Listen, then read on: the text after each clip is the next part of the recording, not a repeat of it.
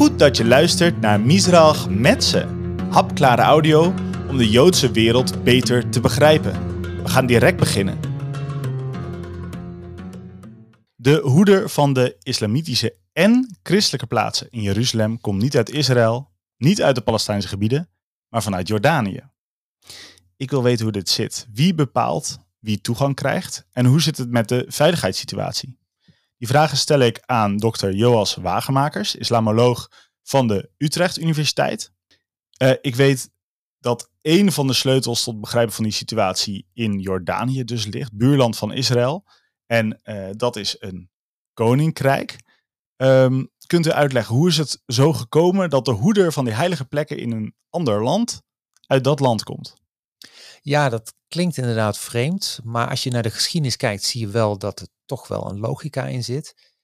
Jordanië heeft wat we nu de westelijke Jordaanoever noemen, in 1948, 49 uh, veroverd op uh, de Zionistische troepen destijds. En die heeft dat gebied van 1949 tot 1967 bezet. En in die periode heersten ze over heel de westelijke Jordaanoever, waaronder Oost-Jeruzalem, dus waaronder de heilige plaatsen die we net noemden. En Jordanië is dat gebied in 1967 weer kwijtgeraakt, dus zowel Oost-Jeruzalem als de westelijke Jordaanoever. En dacht toen bij zichzelf van ja, we kunnen wel weer verkiezingen houden in Jordanië, maar we willen eigenlijk de Palestijnen in de westelijke Jordaanoever, die wij ook als burgers zien, die ook burgers zijn geworden van Jordanië, willen we ook deel laten nemen. Maar dat kan eigenlijk niet, want het gebied hoort niet meer bij ons grondgebied, is inmiddels veroverd door Israël. Dus heeft in 1988 uh, koning Hussein, destijds de koning van Jordanië, die heeft het besluit genomen, die westelijke Jordaanoever die stoten we af, die laten we als het ware vallen. En dan kunnen we gewoon weer ons concentreren op de burgers die echt binnen onze eigen staatsgrenzen. Op die manier zie je wel dat ze de westelijke Jordaan kwijt zijn geraakt. Maar Jeruzalem was natuurlijk eigenlijk de, ja, de parel in de, in de kroon van dat uh, stuk land. En dat wilden ze niet kwijtraken. En uh, de koning had zich al jaren opgeworpen als de beschermheer, als het ware, of de hoeder van de christelijke en de islamitische heilige plaatsen in Jeruzalem. En die rol heeft hij niet opgegeven. Maar dat is echt een symbolische uh, religieuze rol en niet één die een politieke claim met zich meebrengt. Oké, dus het is een, een symbolische uh, rol die uh, dan wordt gespeeld op die, op die plek. Ja, wat, wat houdt die dan in? Wat is de autoriteit die die heeft? Ja, dat is een heel goede vraag. Dat betekent eigenlijk dat op het moment dat er iets gebeurt met die heilige plaatsen, dat de koning van Jordanië er altijd in gekend wordt. En dat, dat zie je ook wel in internationaal verband, dat landen als Amerika, die willen altijd rekening houden met wat Jordanië daarvan vindt. Dus je ziet wel dat, dat die historische claim die men daarop heeft, dat daar wel rekening mee wordt gehouden. Juist ook omdat die echt religieus en, en symbolisch van aard is. Maar voor de onderhandelingen tussen Israël en de Palestijnen, dus echt, dan heb ik het echt over politiek, maakt het eigenlijk niet veel uit want de Palestijnen zullen toch, mocht er ooit een Palestijnse staat komen, mocht er een oplossing komen voor dat conflict, dan zullen de Palestijnen degene zijn die het politiek voor het zeggen hebben en niet de Jordaniërs. Maar ik denk wel dat mocht het ooit dat stadium bereiken, dat er mogelijk wel frictie en, en conflict komt tussen de Palestijnen en Jordaniërs, omdat dat dan echt heel relevant wordt. Van ja, oké, Jeruzalem is de hoofdstad van Palestina. Oost-Jeruzalem? Ja, Oost-Jeruzalem. Maar wie gaat dan over die heilige plaatsen? Dat wordt dan wel, wel lastig. Ik wil even op één heilige plaats inzoomen. Dat is de Tempelberg, waar de Al-Aqsa-moskee bovenop is gebouwd. Uh, op die plek uh, mogen moslims bidden. Uh, klopt het dat de WAKF de toegang beheert? Ja, de WAKF is, een WAKF is eigenlijk een, een stichting, een religieuze stichting, die vaak oude religieuze gebouwen beheert, omdat dat nogal wat kosten met zich meebrengt natuurlijk en die daarvoor zorgt. En je hebt een speciale WAK voor deze plek? Ja, je hebt een specifieke WAK inderdaad voor deze plek. En je hebt uh, vaak in moslimlanden heb je vaak een ministerie van Al-Qaf. Dus dat is een ministerie dat eigenlijk over al die verschillende stichtingen gaat. En deze is heel bekend, omdat hij natuurlijk over een plek gaat die, die veel in het oog springt in het nieuws en dergelijke. En uh, die WAKF gaat inderdaad over het onderhoud van de Al-Aqsa moskee en regelt wie daar wel en niet naar binnen mag. En die maakt ook afspraken, bijvoorbeeld met Israël, over wat er wel en niet mag gebeuren. En, en kan, je dat, kan je dat ook zien? Als je, ik, ik mag daar waarschijnlijk niet komen, want ik ben geen moslim. Maar als je daar op dat terrein wil, word je dan eerst tegengehouden door zo'n zichtbaar mannetje die zegt: Hallo, ik ben van de WAKF en uh, ik heb wat Nee. vragen. Nee, dat niet. Want eh, het daadwerkelijk tegenhouden van niet-moslims, dat hebben ze eigenlijk volgens afspraak uitbesteed aan Israël. Dus Israël zet daar soldaten neer. Of een soldaat die houdt mensen dan tegen. Als er gebeden wordt, eh, mag je daar niet naartoe. En soms is het ook zo dat je zelfs de Al-Aqsa moskee of de rotskoepel niet in mag. Ik herinner me dat toen ik een keer in Jeruzalem was, mocht ik dat ook niet. Want het was vlak na het bezoek van Sharon in 2000. En toen zeiden ze, nou, de, de sfeer is nu wat gespannen, doe dat maar niet. Daar gaat die WAKF wel over. Maar echt het, het betreden van dat, eh dat uh, moskeecomplex, dus ook wat, wat Joden tempelplein noemen daar, dat uh, wordt echt beschermd door Israëlische soldaten. Dus die gaan over of je daar naar binnen mag. En uh, midden interne aangelegenheden, ja, dat is een intra-islamitische kwestie, dus daar gaat de WAKF over. We zitten hier aan een tafeltje aan Janskerkhof in Utrecht. Uh, bij u op kantoor. Ik zit daar niet, we zitten daar niet met z'n tweeën, want hier ben ik helemaal vergeten te introduceren. Zit natuurlijk Aaron Vrieler. En je had een vraag, Aaron. Ja, maar dat zijn onze luisteraars wel gewend, toch? dat ik er zit tenminste. Nee, ik ben, ik ben uh, uh, waanzinnig benieuwd hoe dat dan in de praktijk werkt. Dus dat gedeelte van de veiligheid dat is uitbesteed door Jordanië aan Israël, zegt u. Maar hoe zit dat dan?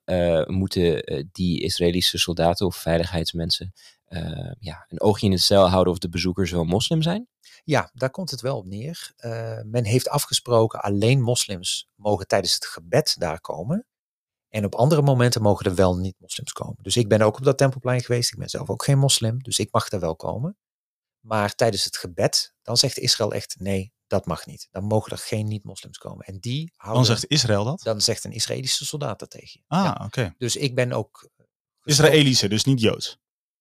Uh, nou, wat de religieuze of etnische afkomst van die soldaat was, dat wist ik niet. Nou, volgens mij, ik, ik zeg soldaat. dit omdat volgens mij houdt Israël daar rekening mee en zet, zetten ze expres geen Joodse soldaten daar neer. Dat zou kunnen, dat weet ik niet. Oké, okay. hoe kijken de Palestijnen eigenlijk aan tegen deze situatie? Ja, dat is lastig. Um, enerzijds claimen zij natuurlijk vanuit politiek oogpunt dat gebied. Um, het is natuurlijk vervelend voor, vanuit hun oogpunt dat het een Israëlische soldaat moet zijn die daar toegang verschaft niet. Maar dat is min of meer de status quo. En dat Jordanië zich daar toch ook nog zijdelings mee bemoeit. Dat is uh, in de praktijk eigenlijk niet zo'n probleem. Maar ja, zoals ik net al zei, ik denk dat dat mogelijk ooit wel een probleem wordt op het moment dat dat er echt toe gaat doen. Tot op het moment dat de Palestijnen echt volledig zeggenschap hebben over dat gebied. Dat ze toch nog een soort derde partij is waar ze maar niet van afkomen. Dat zou kunnen zijn. Maar ik denk eerlijk gezegd, als je kijkt naar wat uh, dat het hoederschap als het ware van Jordanië, van die heilige plaatsen concreet betekent, dat uitzicht niet in bemoeienis, dat uitzicht niet erin dat de koning voortdurend die heilige plaatsen bezoekt. Dat uitzicht er ook niet in dat uh, de Jordaanse koning of het Jordaanse regime zich met onderhandelingen bemoeit.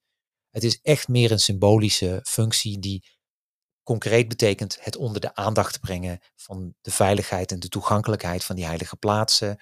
Um, ervoor zorgen dat uh, de status quo niet veranderd mag worden, dat de toegang gegarandeerd moet blijven voor moslims en christenen. Dat is eigenlijk belangrijk. En daar zijn de Palestijnen het volledig mee eens. Dus. Ik um, zat in de voorbereiding hiervan nog even te denken aan een mythe. Namelijk dat is dat de Joden Al-Aqsa willen bestormen. En dat komt uh, nou, in ieder geval jaarlijks een keer terug. Hè? Die uh, ultra-orthodoxe Joden, uh, die hebben daar trouwens ook wel eens over. Hè? Dat, dus dat wordt dan opgeklopt en groter gemaakt. Um, dat die dan een lam zouden willen offeren op die, op die plek. Um, ja, waar, waar komt dat idee vandaan dat, dat, dat Joden dat en masse willen doen en de boel willen overnemen? Nou, ik denk dat, kijk, er zijn natuurlijk groepen die graag willen dat er weer een tempel gebouwd wordt. En er zijn natuurlijk ook groepen die soms een bezoek brengen aan, de, uh, aan het tempelplein, die dat ook georganiseerd doen, ook met uh, Israëlische politie erbij als bescherming. Dus je zou kunnen zeggen dat er, dat er wel iets van waarheid in zit. Maar het is absoluut niet zo dat, dat grote groepen mensen dat willen doen. Sterker nog, er staat een bordje van het opperrabinaat bij dat Joden eigenlijk helemaal niet daar mogen zijn, omdat men niet precies weet waar het heilige der heilige is en dat mag je niet betreden. Aha, oké. Okay.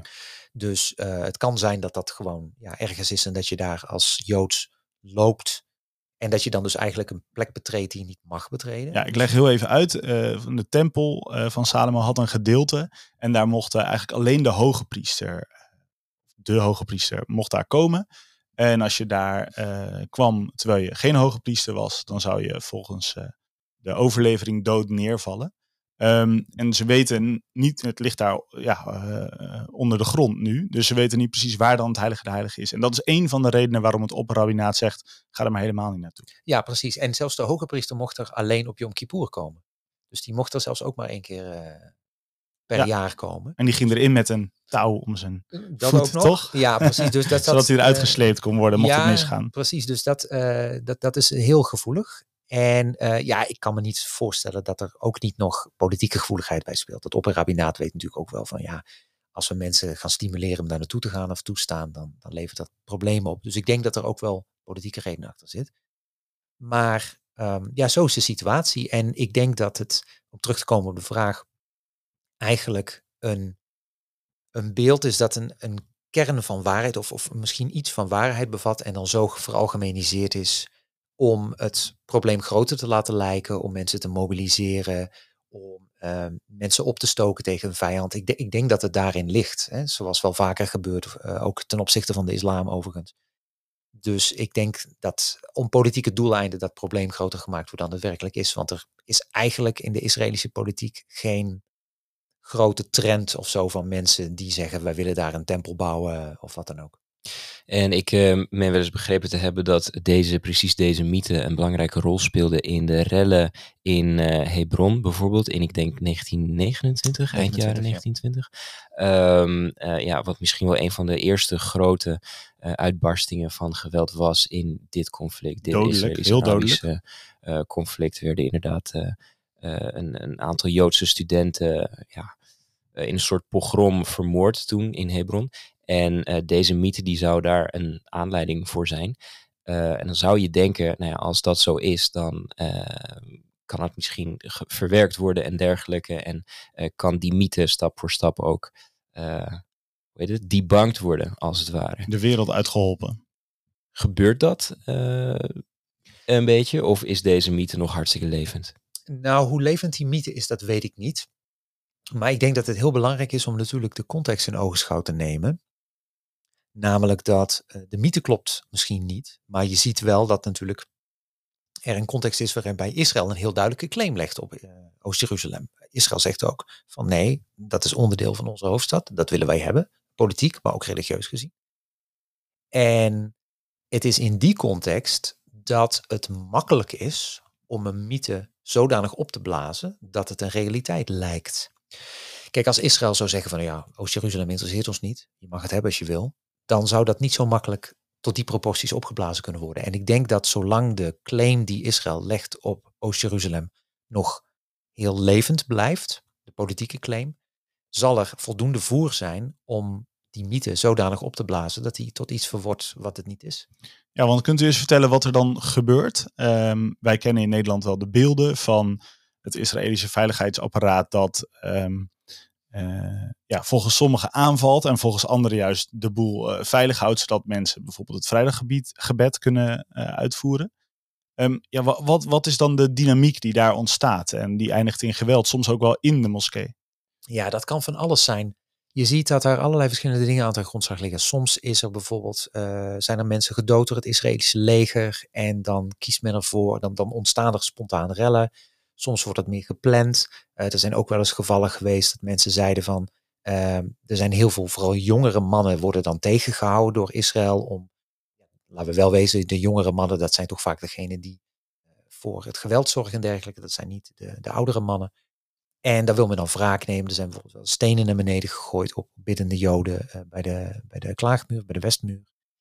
Eh, dus er zijn allerlei verschillende dingen geweest die ervoor kunnen zorgen dat de lont in het kruidvat komt. Hè. De, de situatie is vaak zo gespannen dat iets kleins daartoe kan leiden.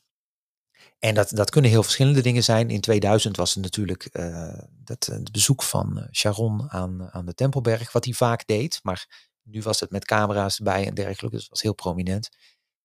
En ja, nogmaals, als er een situatie is die zo gespannen is en als er twee partijen zijn die zo'n sterke claim menen te hebben, allebei op hetzelfde gebied, en dan ook nog op dat ene kleine stukje van datzelfde gebied, namelijk eh, de, de, de, de Tempelberg, ja, dan hoeft er maar, hoeft er maar dit te gebeuren om ehm, de situatie te laten escaleren. En in zo'n situatie, in zo'n situatie van paniek, van spanning en dergelijke, doen zulke soort ideeën het gewoon goed. Dus uh, het kan zo zijn, een van die uh, situaties kan zo zijn dat het de ronde gaat in de moslimgemeenschap in en om Jeruzalem van uh, de Joden gaan nu echt de, de Tempelberg of de Al-Aqsa moskee overnemen en bezetten. Laten we daarheen gaan en laten we dat voorkomen door gewoon strength in numbers met z'n allen daar aanwezig te zijn. Um, dan, komen, dan komt het tot clashes met het veiligheidsapparaat. Want het veiligheidsapparaat die reageert daarop. Die gaan misschien ook wel meerdere uh, manschappen naar die plek sturen.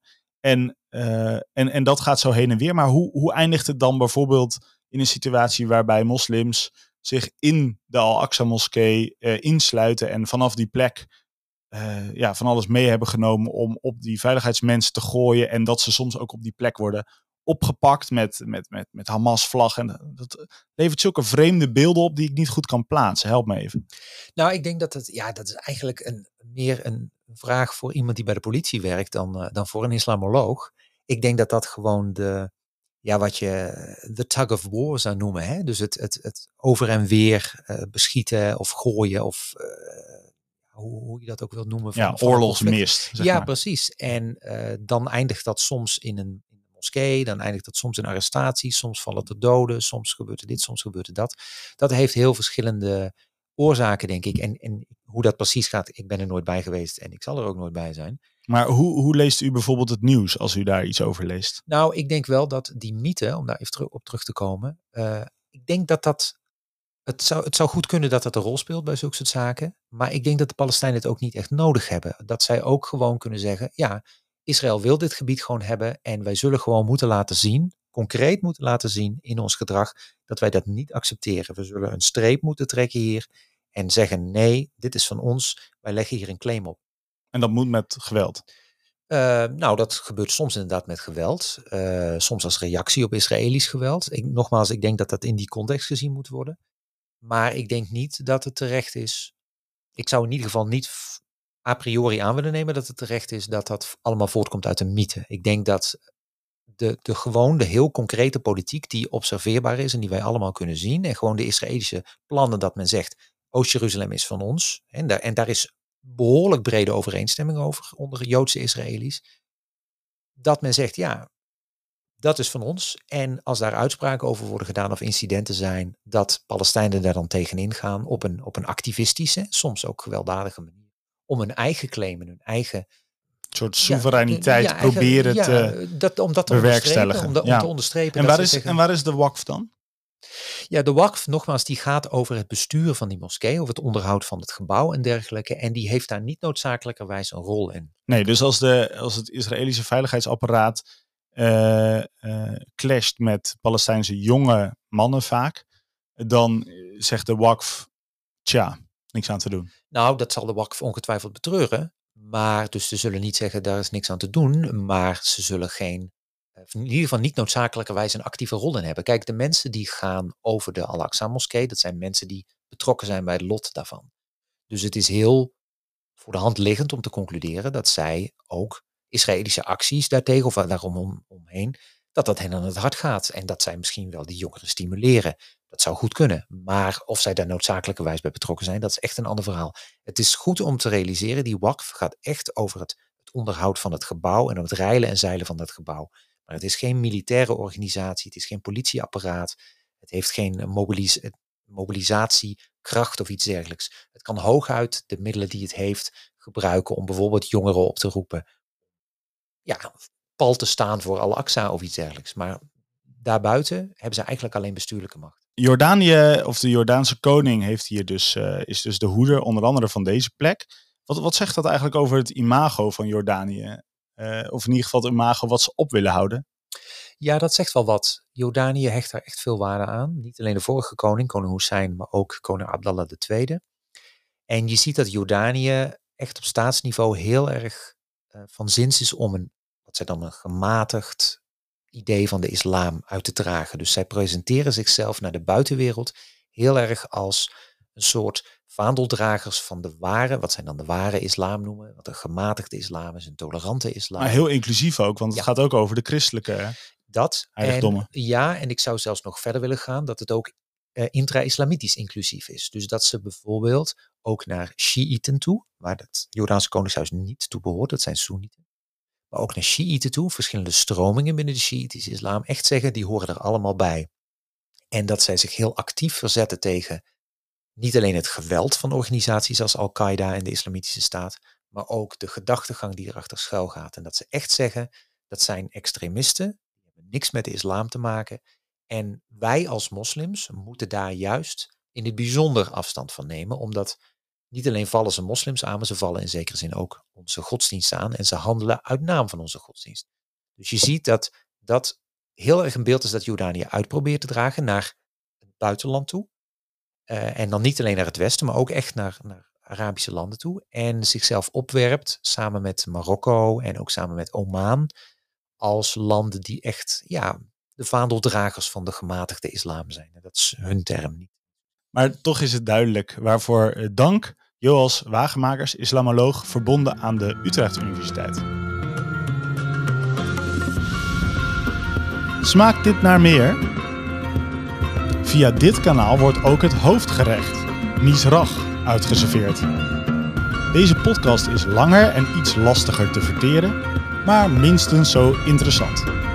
Hou ons dus in de gaten en raad misrach aan in je omgeving. Bedankt!